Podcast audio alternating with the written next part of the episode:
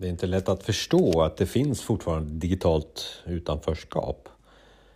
Ibland så tycker jag att just 90-talet och all den investeringen utav datorer som vi gjorde då, där pratar man väldigt mycket om pensionärer som skulle utbilda sig och eh, det är väl fortfarande så att det finns pensionärer och de som är äldre som ligger lite efter digitalt. Men det finns också de som inte hänger med. Alltså hänga med i utvecklingen, det går ju så oerhört snabbt just nu. Och det där är någonting jag inte tänkte på.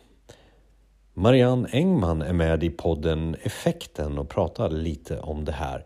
Eh, digitalt utanförskap, eh, det här med vardagen och allting som nu blir mer och mer eh, Ja, du kan inte använda eh, din plånbok längre. Du måste använda din mobil för det är din plånbok. Vad händer på kaféet? Vad händer i ditt resande? Om du är och känner dig lite utanför det digitala.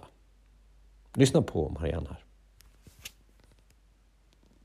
Ja, precis. Förutom äh, alla de här exemplen som jag redan har gått igenom här så, så skulle jag gärna vilja komma tillbaka till de här människorna som är faktiskt i arbetsför ålder och det som du Jonas sa precis att, att även om man är i arbetslivet så känner man liksom att oh, oj vad det oj vad man måste liksom hela tiden eh, ligga i och, och nästan dagligen eh, försöka lära sig någonting nytt för att det går fortare och fortare och fortare. Liksom.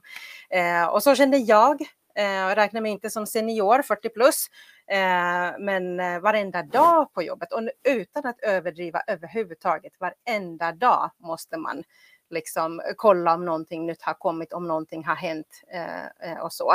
Så vad jag menar på att jag har märkt i arbetslivet, det är just det här att hur vi hur vi jobbar. Vi jobbar i olika digitala system. Väldigt många av oss, inte alla givetvis, men, men väldigt många jobbar i någon form av liksom, något verktyg. Eh, och man har lärt sig att använda det verktyget och man kanske är jätteduktig på att använda det verktyget. Klicka här, klicka här, klicka här, klicka här och då har du skickat iväg din faktura. Så. Eh, och förr i tiden var det ju så liksom att men, det kom något nytt verktyg kanske och sen fick man gå kurs på jobbet. Eh, och, och den här kursen var mm, enligt mig, eh, just så här, klicka här, klicka här, klicka här, klicka här. Så, kan alla nu? Ja, nu kan alla klicka här, klicka här, klicka här. Så, färdigt. Men, men det funkar liksom inte så längre. Man, de här, liksom den tiden att man kan gå en kurs och sen kunna saker, om jag ska överdriva lite, den tiden är förbi. Om jag går en kurs idag i någon typ av molntjänst till exempel, ja men om en månad har de ändrat någonting. De, om en månad har de utvecklat vidare och vidare och vidare och vidare. Och det som jag upptäckte var att väldigt många i alldeles arbetsför ålder eh, har inte riktigt koll på det här mest grundläggande faktiskt, vågar jag påstå. När jag ställer en fråga eh, till någon, kan vara i min egen ålder, och jag frågar, kan du snabbt förklara skillnaden på mobilt eh, bredband och fast bredband? Uh, vänta nu, vänta nu. Man kan inte riktigt. Och, och, och man, man, har sin smarta telefon och man har sin iPad och man har sin, liksom, sitt digitala jobb någonstans. Eller eh, kan du förklara vad stadsnät är?